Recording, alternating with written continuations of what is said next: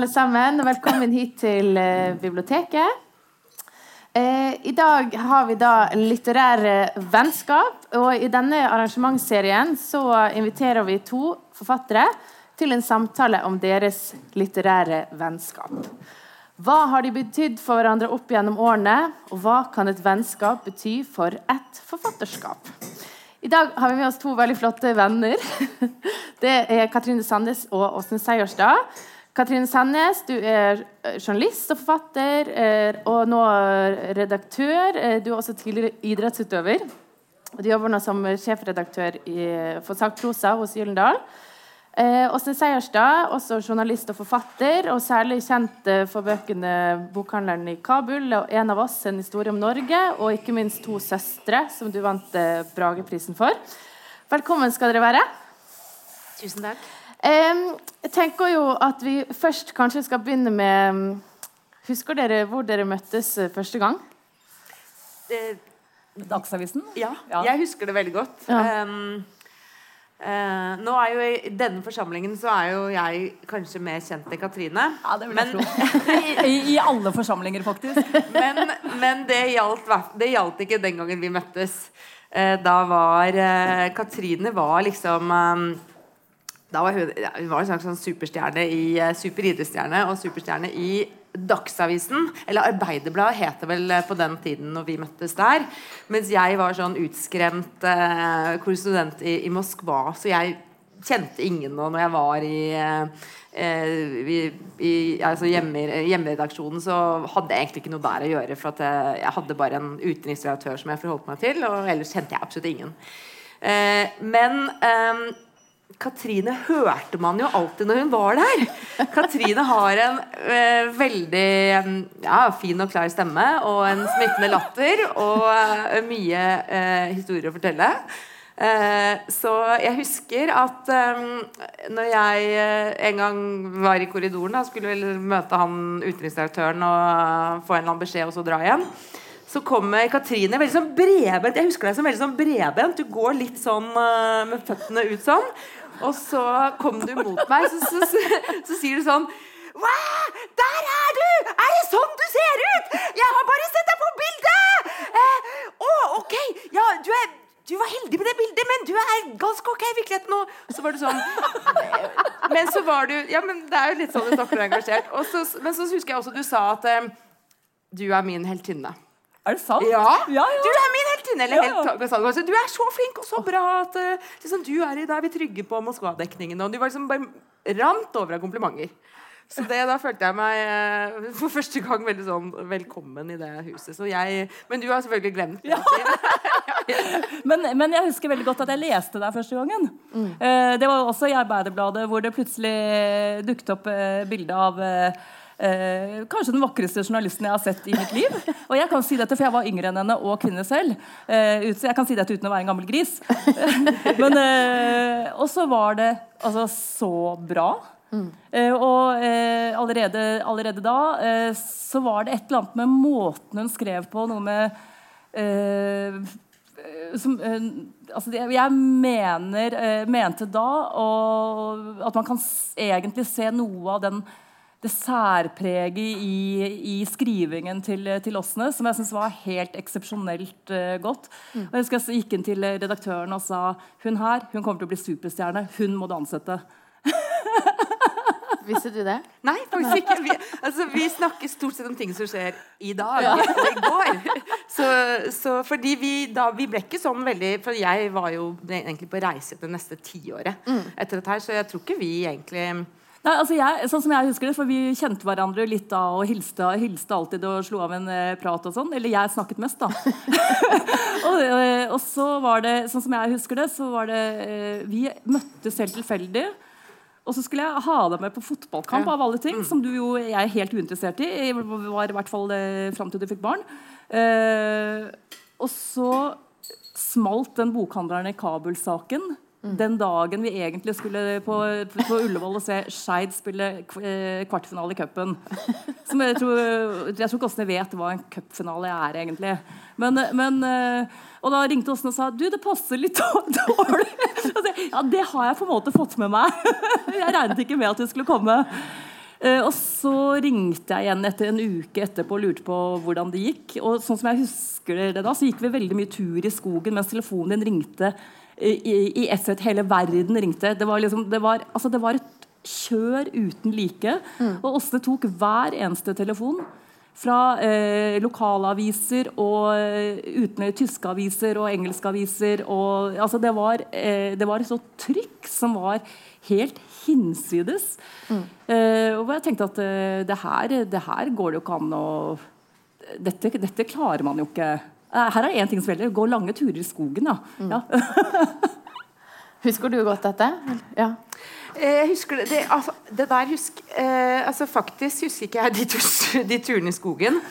Men eh, Og det tror jeg kanskje hele den perioden gikk litt sånn i en eh, Litt sånn tunnel eller tåke. Jeg vet nesten ikke hvordan man skal beskrive det. At eh, når, når man er utsatt for så hardt press eh, og ja, nemlig. Altså, det- jeg husker jo telefonene hele tiden, og det varte jo ganske mange uker òg. Kan du oppdatere? Kanskje ikke alle husker helt Ja, altså, hva det var jo det altså, da hadde jo eh, Bokhandelen i Kabul, den boka hadde kommet eh, Den kom i september 2002.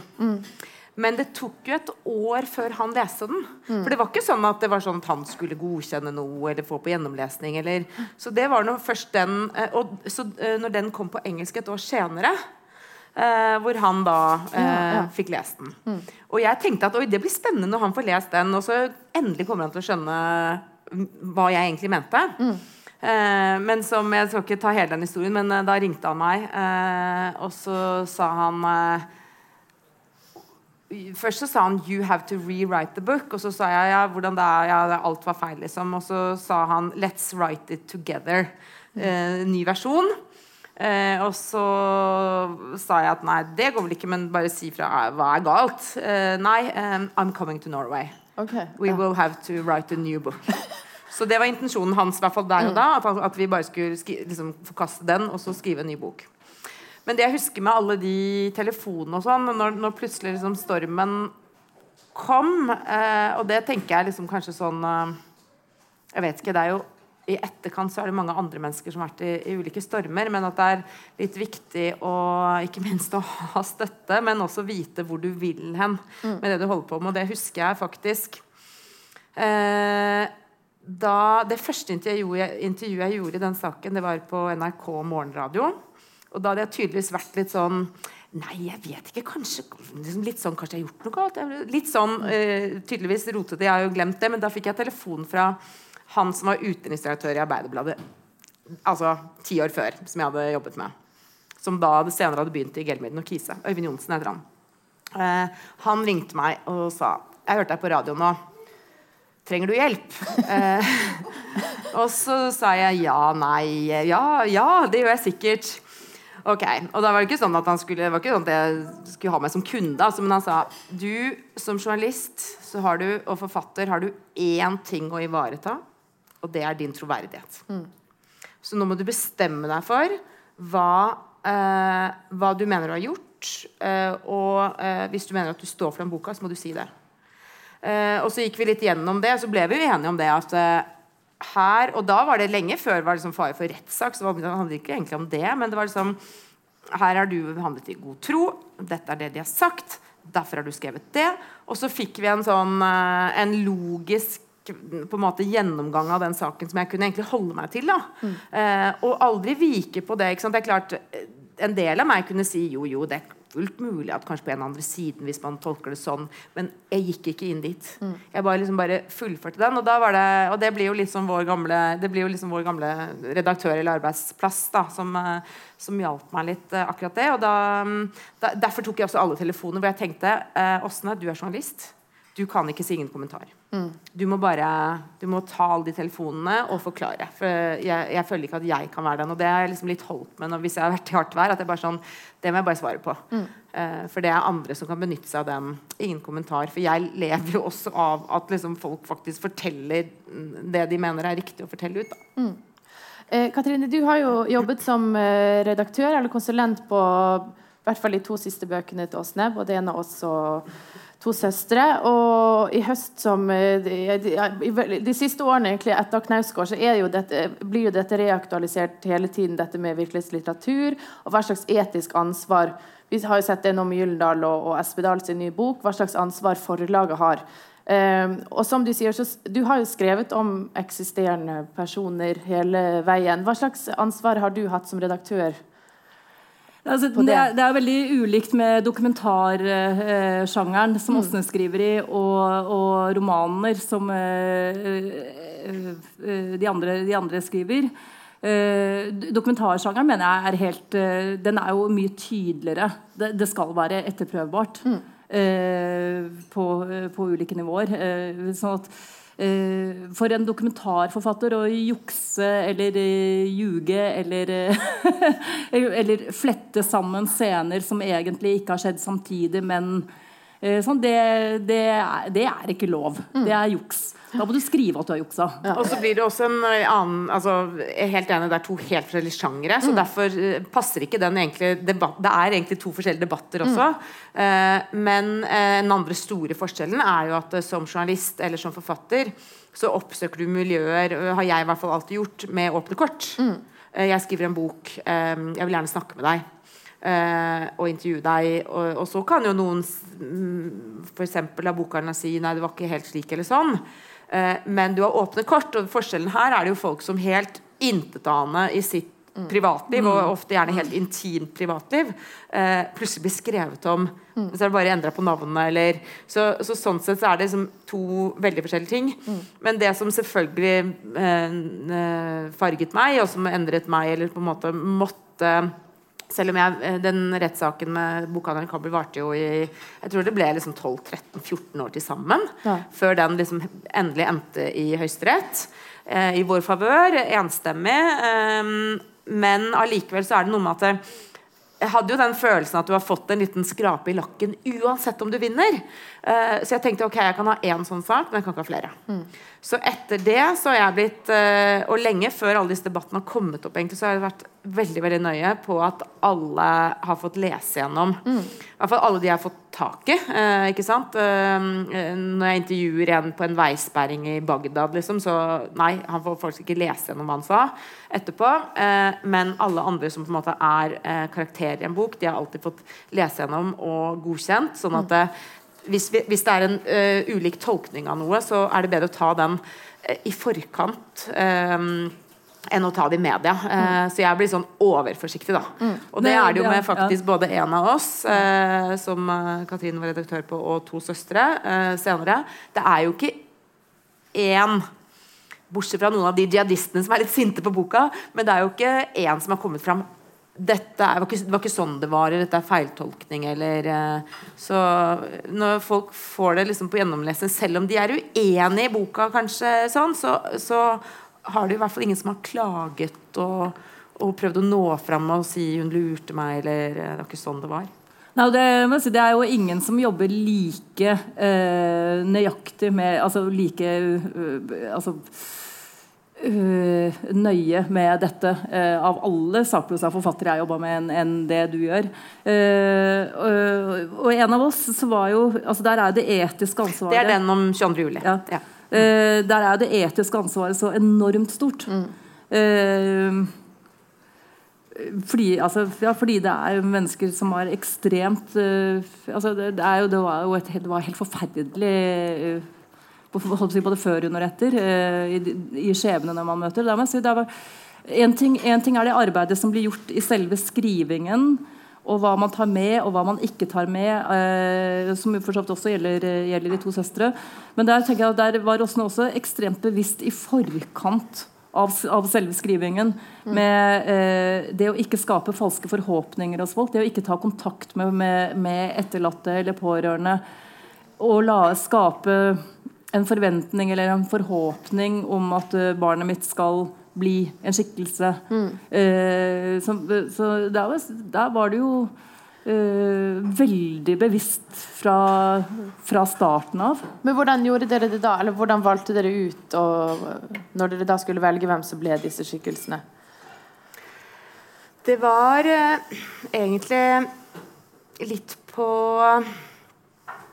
eh, Hva skal man si det var, eh, Instinkt er kanskje feil ord å bruke, men eh, det er noe med at eh, eh, for å fortelle en historie, så må du, når det er da 77 drepte, så må du ha noen som skal representere alle. Uh, og så er det å finne de som er altså, sant, Hvem er mer representativ enn andre? Så var det jo da under rettssaken hvor jeg var da jeg begynte å jobbe med den boka, så, så var det egentlig slik at i tinghuset så var det ulike soner, eh, og vi hadde ulike pass. Om de hadde rødt bånd eller svart bånd eller, eller, grønt bånd, ut fra om du var pårørende eller etterlatt eller journalist. Vi hadde røde bånd som journalister, så veldig tydelig. Og da var det flere soner ikke vi kunne være, med, være i. F.eks. Ja, noen sånne eh, soner eh, som du for så vidt måtte gå gjennom, men du fikk ikke lov å stoppe opp. Eh, for det var eh, de etterlatte og pårørende som skulle være der. Eh, men så var det en gang som jeg ble stoppet i den sonen av en dame som sa til meg at Hun ble stoppet og sa jeg er så glad for at det er du som skal skrive bok om 22. juli, fordi jeg har lest boken din fra Irak. Mm.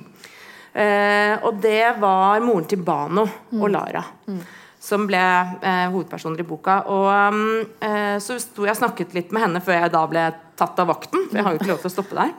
Selv om det var på hennes initiativ. Og så eh, kom de i den kafeteriaen hvor alle kunne være, og da kom faren til Bano bort og sa at eh, han gjerne ville skrive bok om datteren sin. Mm. Så spurte om jeg kunne hjelpe ham. Og så sa jeg selvfølgelig. Eh, for de hadde ikke da tenkt at jeg skulle skrive om Bano, men han ville skrive sin egen bok. Og så sendte han meg eh, åtte sider Eh, vaktmesterens datter han er ingeniør fra Irak, men ble vaktmester her i Norge. Og, og veldig veldig fine sider om datteren, eh, med mange historier. Eh, og eh, så gikk det noen måneder, og sendte på meg fire sider til. Og da var rettssaken over, egentlig. Eh, og så, eh, etter det, så skulle jeg møte han, men så ringte han meg i forkant og sa han, vet du hva. Jeg, jeg har ikke mer enn de tolv sidene. Kan heller du skrive om Bano?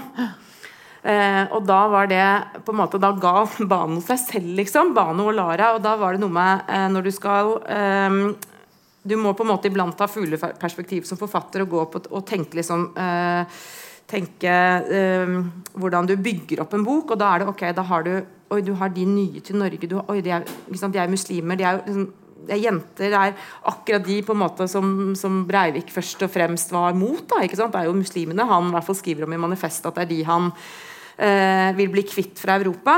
Eh, og samtidig som du får da søsterskapet, ikke sant? Mm. søskenskapet, og du får foreldre. Eh, så du fikk vel egentlig liksom eh, alt du, du, trengte gjennom de to. Men så var det også en dimensjon, og det var jo eh, kameratskapet. Som jeg da møtte gjennom eh, tre gutter fra Troms. Mm. Som var litt sånn, Jeg trenger ikke ta langhistorien på dem, men det var også litt den Eh, jeg møtte først eh, moren og faren til en gutt som heter Simon fra Salangen, som jeg hadde mm, bare blitt veldig berørt av. Man ble jo rørt av alle de bildene og ansiktene som kom opp på skjermen i rettssaken. Eh, og han var som veldig mange av de andre ungdommene der, at de hadde liksom Jeg ser den forholdet her, så jeg bare syns det er litt vondt. Mm.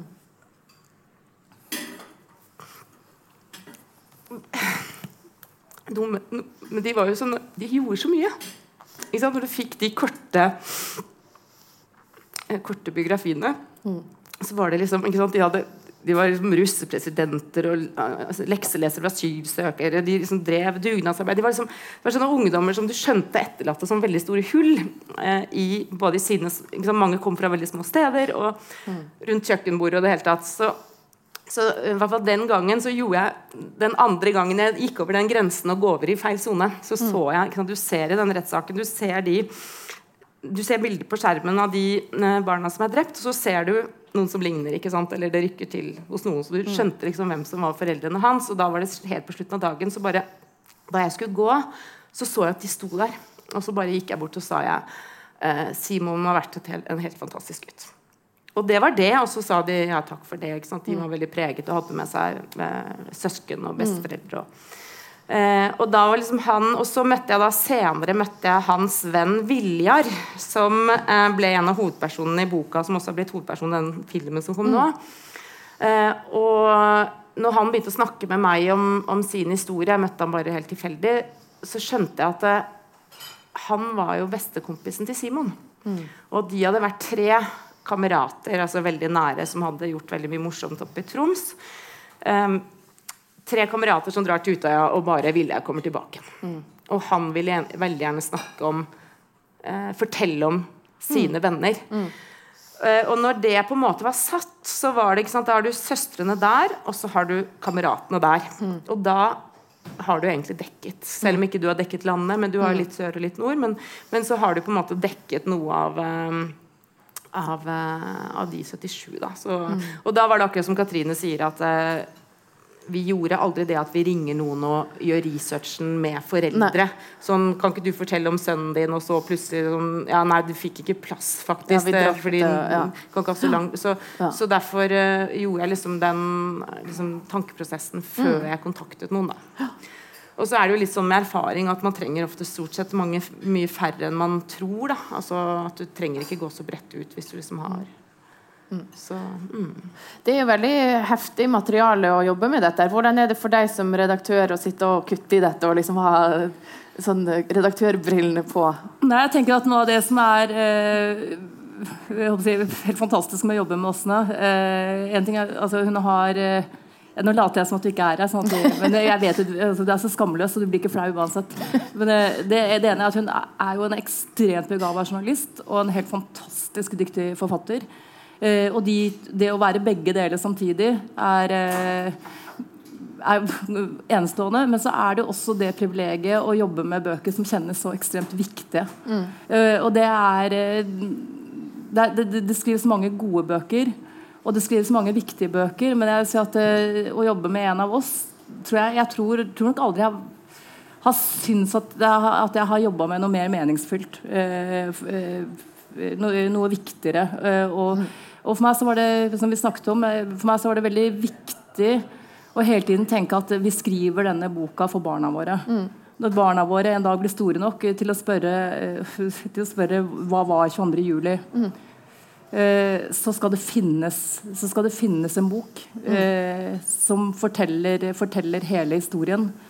Eh, fordi For folk glemmer, og det, det merket vi allerede under rettssaken. Allerede kort tid etterpå så begynner historien å vri seg litt. Den begynner å, den begynner å leve, leve, leve eh, sine egne liv der ute. Og det å ha en, en samtidsdokumentar som er skrevet så altså, tett, tett på, som kjennes eh, det å kunne, For meg som, å kunne gi dette til døtre Nå er den eldste datteren min så stor at nå er hun, nå er hun i den alderen hvor hun, eh, hvor hun er i riktig alder til å kunne lese den. Og å kunne si at sånn var det, sånn opplevdes det. det, er, det er, dette er grunnen til at jeg har vært så opptatt av, av dette. Det, det, har, det har Det tenker jeg jo at Jeg, sånn- det, Jeg syns at det, er veldig sjelden man opplever. Og, og selvfølgelig og to søstre også.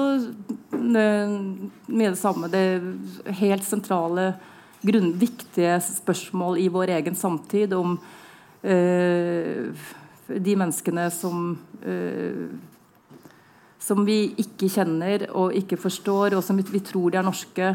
eh, og så er de eh, så vil de jo Og så oppdager man at vi kjenner dem jo ikke. Vi, altså vi, egentlig.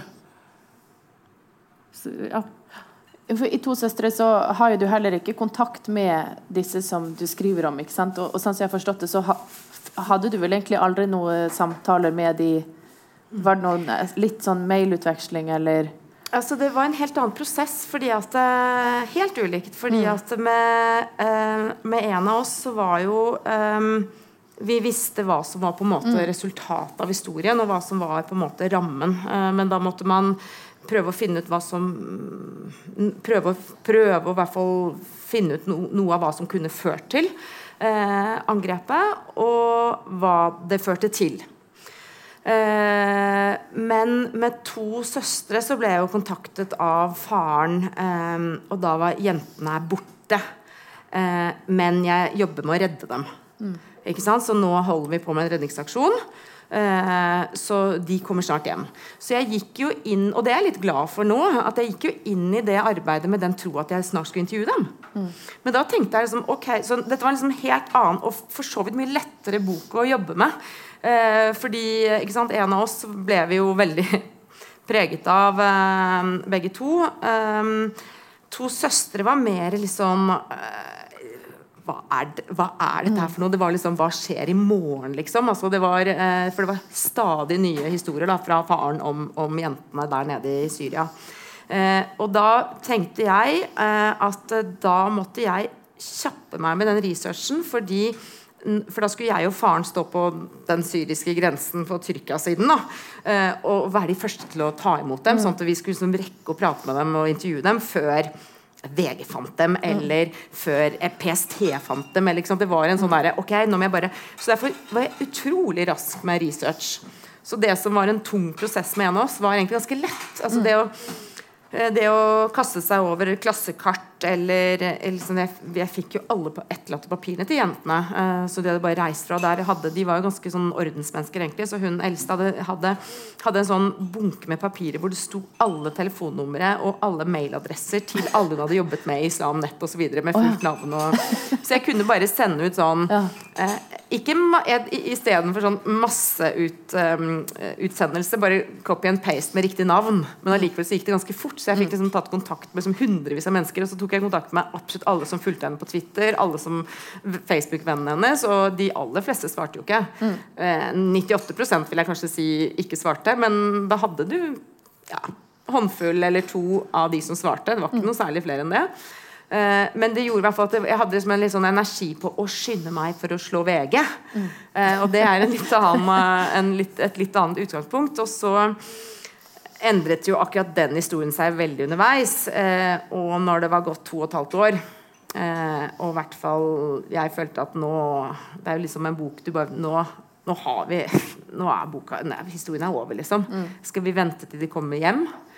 Eh, og så fant vi ut at eh, nei, for den historien å prøve å forstå hvorfor eh, så mange europeisk ungdom dro til Syria og eh, fornektet da liksom, livet i Europa, det var det, det, lurte man jo på. Forskere og politi og, og, lærere og samfunn over hele Europa. Mm. Så det vi har funnet ut noe om dette, så det, jeg følte at det var en viktig bok å gi ut. Og da måtte vi bare gjøre det før vi fikk et eneste lite pip fra de jentene. Mm. Men det som gjør at man kanskje føler at man eh, blir litt kjent med dem, er jo det de selv skriver i en to år lang logg, eh, eller chat, da, chatlog ja. til broren sin. Ja. Ikke til meg. Og det er jo like greit, for til meg så ville de kanskje vært mye mer fylt av IS-propaganda. Sånn. Til han mm. så er de, de er fylt av det der òg, til han òg.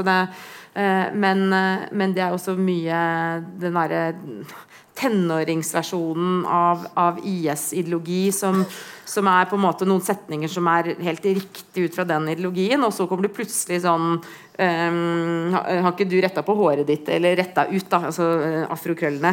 Har, har, ikke uh, så fin du er der, og den genseren liksom, eller, eller, bare sånn veldig en sånn uh, tenårings... Ja. ja. Mm. Et veldig ekte språk, da. Mm. den derre skapte nesten et sånt nytt språk òg. Sånn tenåringsjihad-språk som, som, over hele altså Den, den fins på norsk, og du leser den på engelsk i de, eh, en sånn um, gate aktig måte. Så, så, det ble veldig nærværende. Så, eh, men da å skrive en bok om, eh, om, to som da ikke har godkjent den mm. eh, Da husker jeg um, Det snakket vi om også at eh, jeg følte i hvert fall at du må skrive en bok hvor du føler at ok, når den er ferdig, hvis jeg møter dem, eh, at jeg kan gi den til Ayan og Leila og si dette er det jeg fant om dere. Mm. Vær så god og les.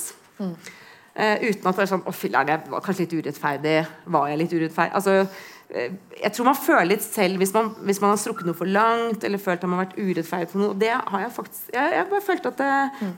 dette er det jeg fant, liksom. Ja. Hvordan tenker du som redaktør at man, For du skriver jo om disse jentene, men du legger jo ikke noe sånn, du legger egentlig ikke noen føringer på deres tankesett, bortsett fra det de forteller tekstlig. ikke sant?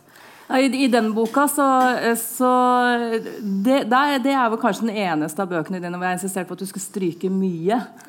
70 eh, sider eller noe sånt noe. Eh, fordi, for, for, der var jo kildeproblemet han, han vi faktisk hadde som levende kilde. Altså faren. Eh, som jo bare er en fantastisk historieforteller. Mm. Men han er jo nettopp en historie historieforteller. Og da er det jo fristende å ville beholde det fordi historien er så fantastisk, selv om, eh, selv om eh, den ikke er sann. Så, og det, det var, veldig, var veldig bra til strøk, det. Ja. oh ja, nei, det hadde Det reddet eh, Det tror jeg Det hadde Det reddet oss, Ja, kan du si. Altså det altså, Og det går på ting ja. som vi var litt sånn vi, vi spurte oss ofte Ok, uh, tror vi på dette her? Mm. Og så var det sånn Ja, ja, ja. Det er jo etterprøvd med mange andre kilder. Så er det det derre Nei, en veldig god historie, men vi tror faktisk ikke på det. Alt det gikk ut. Og så er det det midten. Tror vi på det? Ja, vi, altså at vi måtte liksom Vet ikke helt. Og så måtte vi at det, det endte med at eh, alt det som står der, er ting som vi har enten fått etterprøvd av andre kilder, eller så er det jo da Sannsynliggjort gjennom andre kilder. sannsynliggjort. Eh, eller så er det da satt i at han forteller det mm. til ja, ja. andre. Og det er veldig sånn eh, Han forteller dette til Ble han hetende Mohammed til slutt? Nei, nei eh, altså, vi, han, ja. nav, navnene ble jo skiftet helt på Eh, slutten. så- Osman. Ja, det er det Ja. han ja. Eller Omar. Ja. Altså, han, han smugleren, i hvert fall. Ja. Ja. Dette er sånn han forteller det til, eh, til ham etterpå. Ja. Ja. Eh, For det er jo sant. Mm. Altså, det er sant at han forteller det som denne historien. Eh, Men, men eh, eh, vi går, kan jo ikke gå god for det. Og det er ene og alene, egentlig. Um, for de som har lest, så er det den flukten hans fra fengselet. Ja, ja. Den, når han kommer sånn ut og skal fortelle, og så, Altså, så, så skjøt jeg ja. på de vaktene, og så jo det er- mer er jeg tenker jo- på den historien, jo mindre stoler jeg på den egentlig. Men den står i, den står i, i sitattegn 'han kommer ut'. Og jeg tror, det, jeg tror det er lagt inn føringer i teksten, så leseren kan godt tenke Oi, oi, oi, det der ble han ikke bare sluppet løs, da? Etter hvert. Men antall dager i fengsel, alt det der, det, er, det stemmer. Og det at han ble torturert, det at fengselssjefen faktisk ikke ville slippe han, men ville beholde han. Altså det, det er jo andre da, de jihadistene som har skrevet på egne blogger lenge før det var snakk men, om der, om men der liksom. tenker jeg der er det jo et etisk ansvar. For det etiske ansvaret her ligger overfor han. Og det, det, at, han skal, eh, liksom, det at han skal få være et menneske med, som eh, beholder verdigheten sin, og samtidig som han på en måte forstår den des desperasjonen hans, som gjør at jeg tenker ja, men Og, og følelsen av eh, eh, et desperat ønske om oppreisning etter at døtrene dine har, har gjort dette. Og det at, det at man skal kunne se på ham med empati og forståelse. eh, Og, og skjønne, skjønne at ja, men vi ville vært, vi ville jo ha gjort like eh, vanvittige ting selv. eh, hadde, det, hadde det vært oss. Vi ville også ha ligget og fantasert om helte, heltemodige redningsaksjoner hvis det, hvis det hadde vært oss.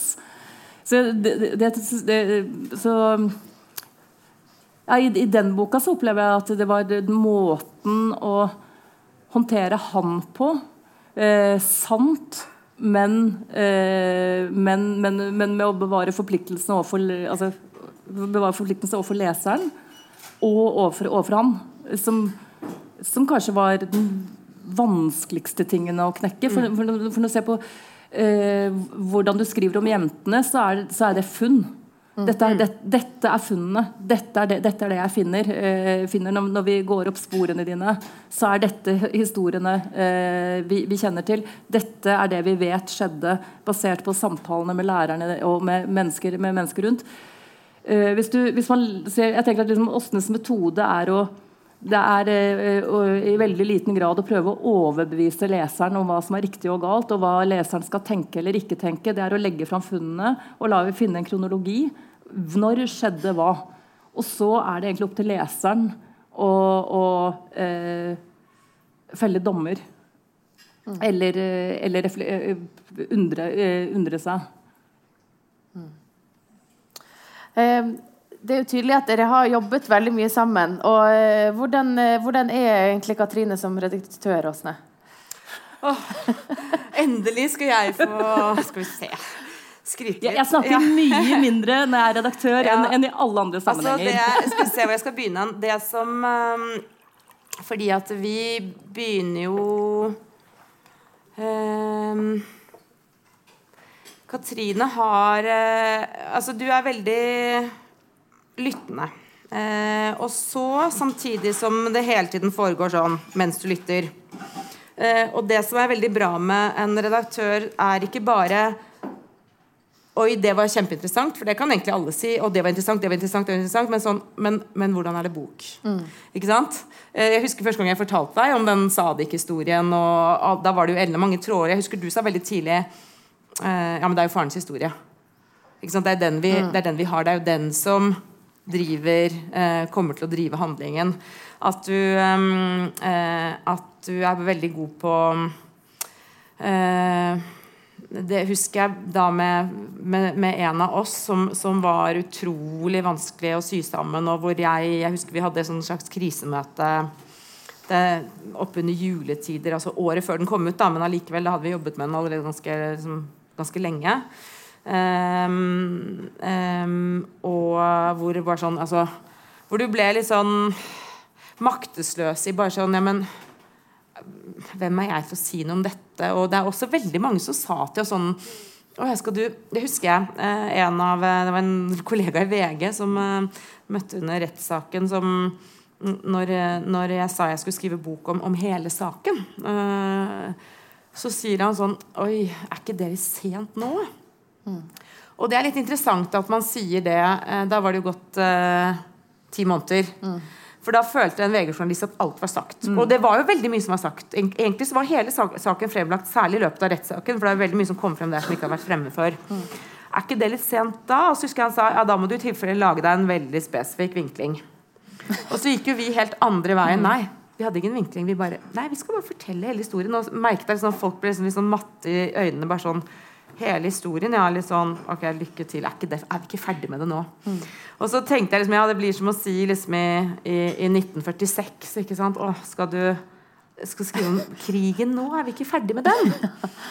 Og det er det sikkert også mange som sa i 1946. Mm. For da skulle man jo se fremover og legge krigen bak seg, og nå skal vi gjenoppbygge landet.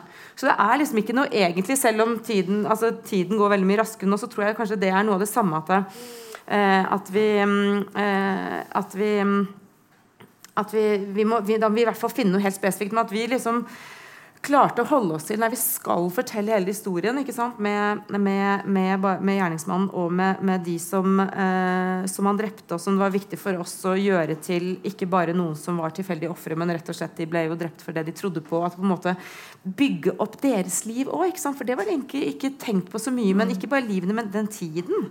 I 70-tallet, 80-tallet, 90-tallet, hvordan ting endret seg. Hvordan de, de endringene i samfunnet også formet f.eks. For Breivik og hans måte å tenke på. ikke sant? Mm.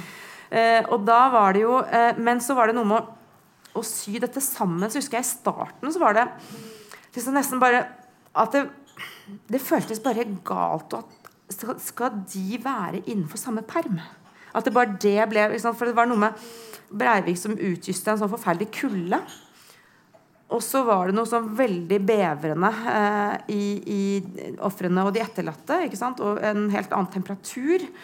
Eh, og så var det liksom det, det kjølige, eller på en måte mer det liksom, mer kjølige om Norge, da. Eh, og da var det, eh, som Katrine er veldig god på, var liksom det å hele tiden spørre meg om perspektiv. Eh, for det var jo noe med at vi kan jo ikke gå inn i Breivik sitt hode, annet enn der hvor han skrev dagbok eller logg eller hadde fortalt til politiet. Men der hvor vi liksom sto fast Jeg husker da vi skulle begynne på rettssakskapitlet, for det var jo så skrevet så mye om. Mm. Uh, hvor vi da, vi my, det var mye på telefon, for vi bor ikke så nærme at det hele tiden kan møtes. Uh, men at vi liksom da går hele tre timer i Frognerparken, liksom 50 runder i Frognerparken.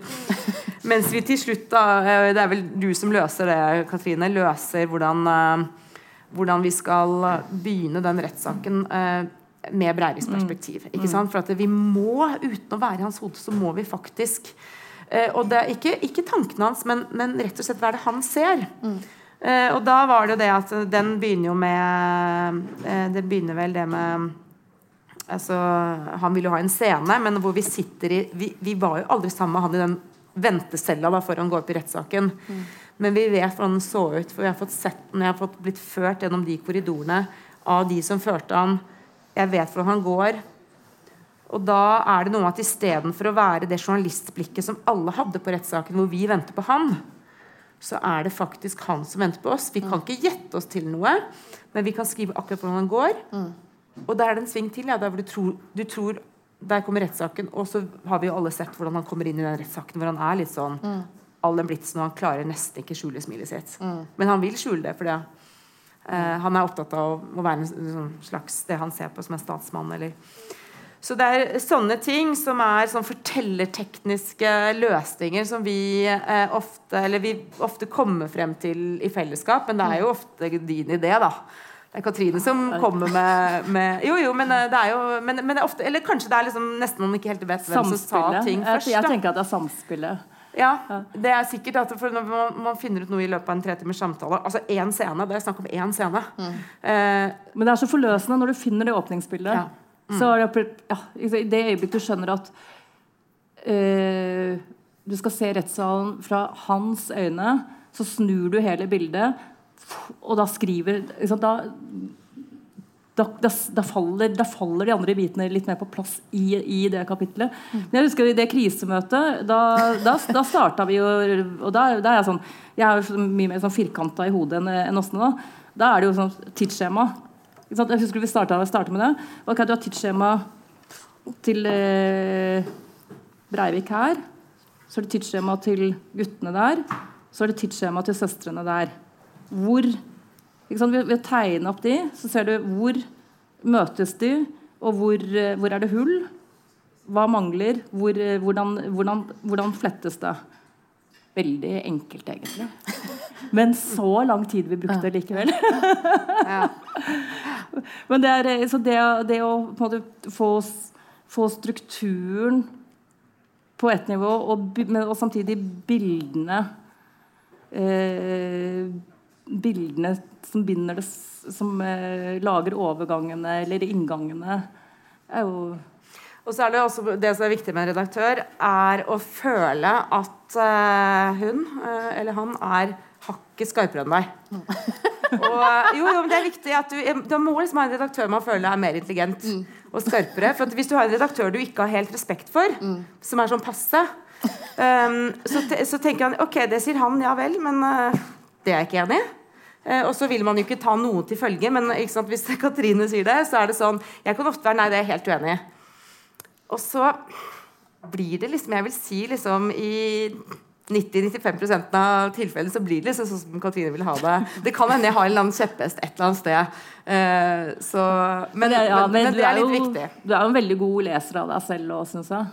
Ja, det som ofte skjedde, var jo at, um, at jeg holdt og holdt på ting som jeg liksom oh, ja, Det heter jo 'kill your darlings', det er jo et forslitt begrep. Men det er sånne ting som Si man har jobbet veldig mye med noe som var litt vanskelig.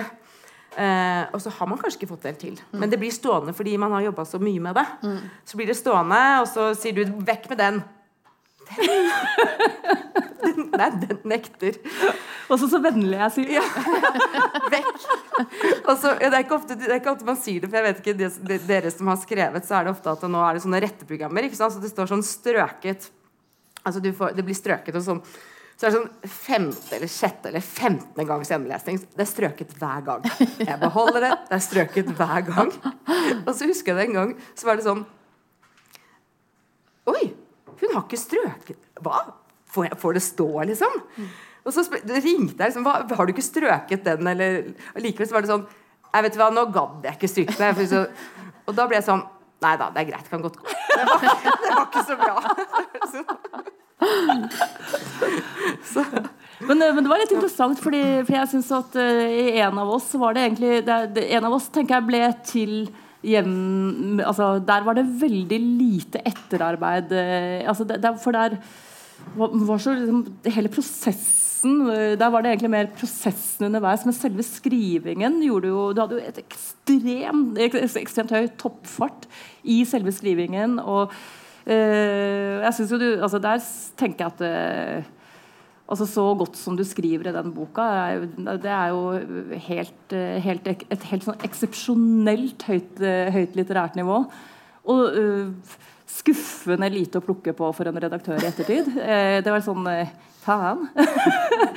mens, mens i, i, i to, to, søstre, to, søstre, så tenkte jeg at der var det, der var det faktisk mer, mer Men det, å gjøre. Det blir jo også to helt forskjellige ja, ja. prosesser, eh, de to siste bøkene. Og det handlet om at um, det var så vanskelig å begynne å skrive igjen også. Mm. Mm. Og det, jeg satt det, altså rett og slett jeg fant, ikke, jeg fant ikke fortellerstemmen, rett og slett.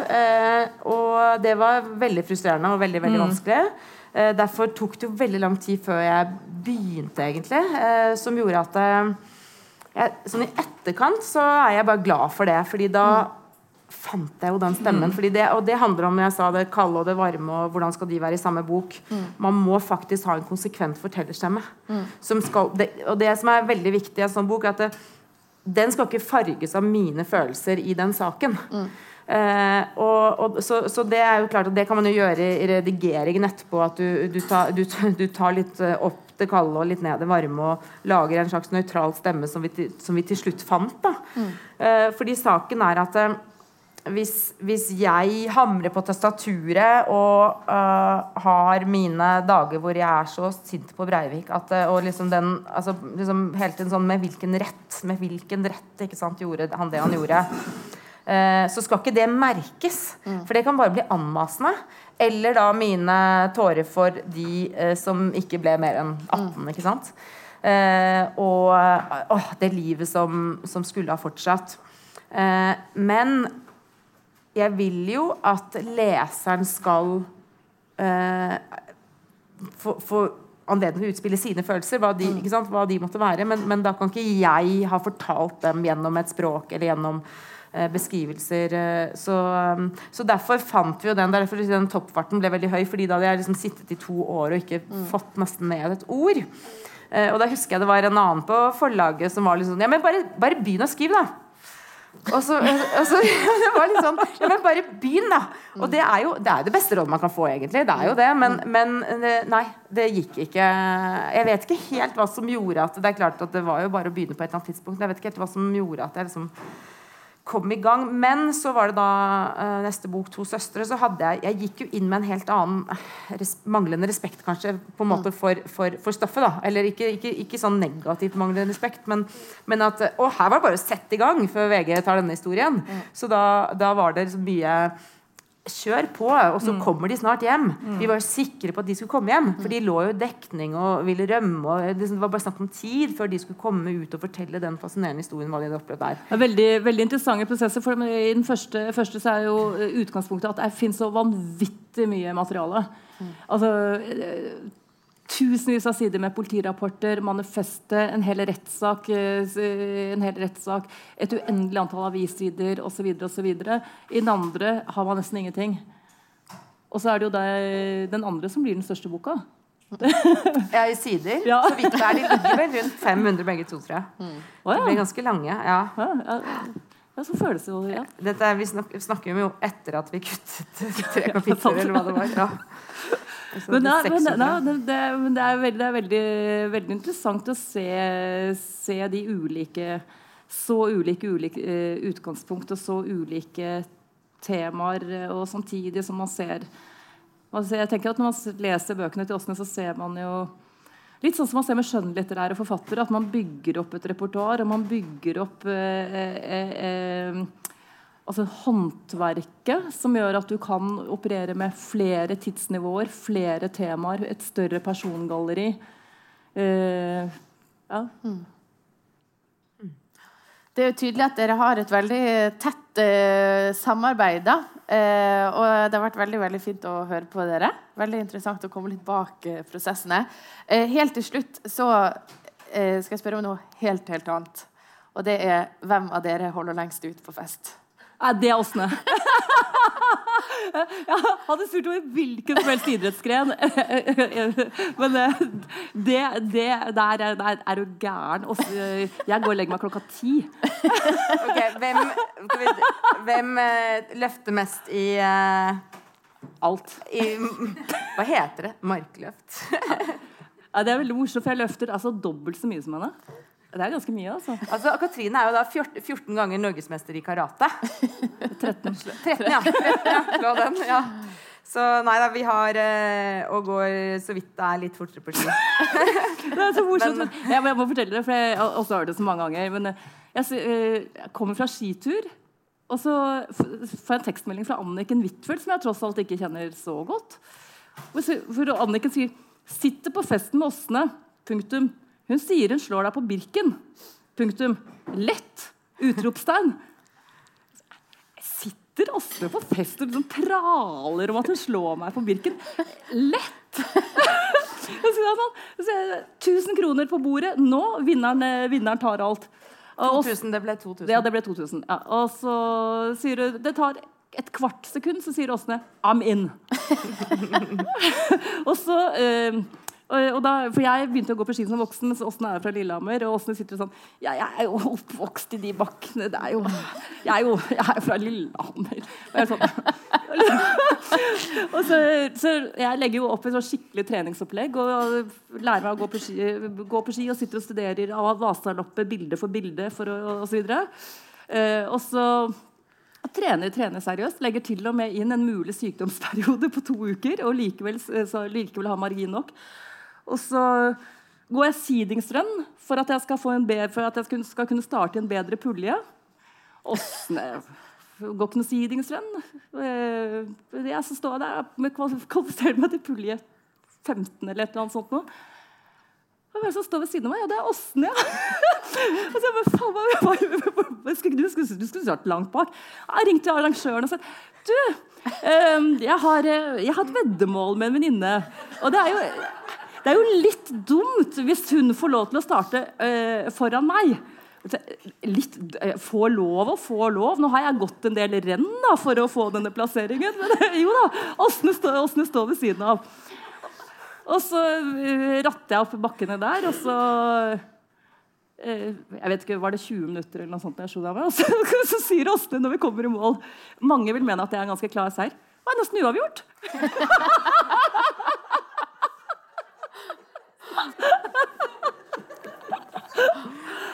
Det er veldig bra. Så, så sier hun Neste år. Jeg skal ha revansj. Legger- Doble summen og legger det på bordet. Da håper vi de får en ny eh, sjanse neste år. Ja, ja, vi får se. Tusen, tusen takk for at dere kom, og takk for at eh, dere kom.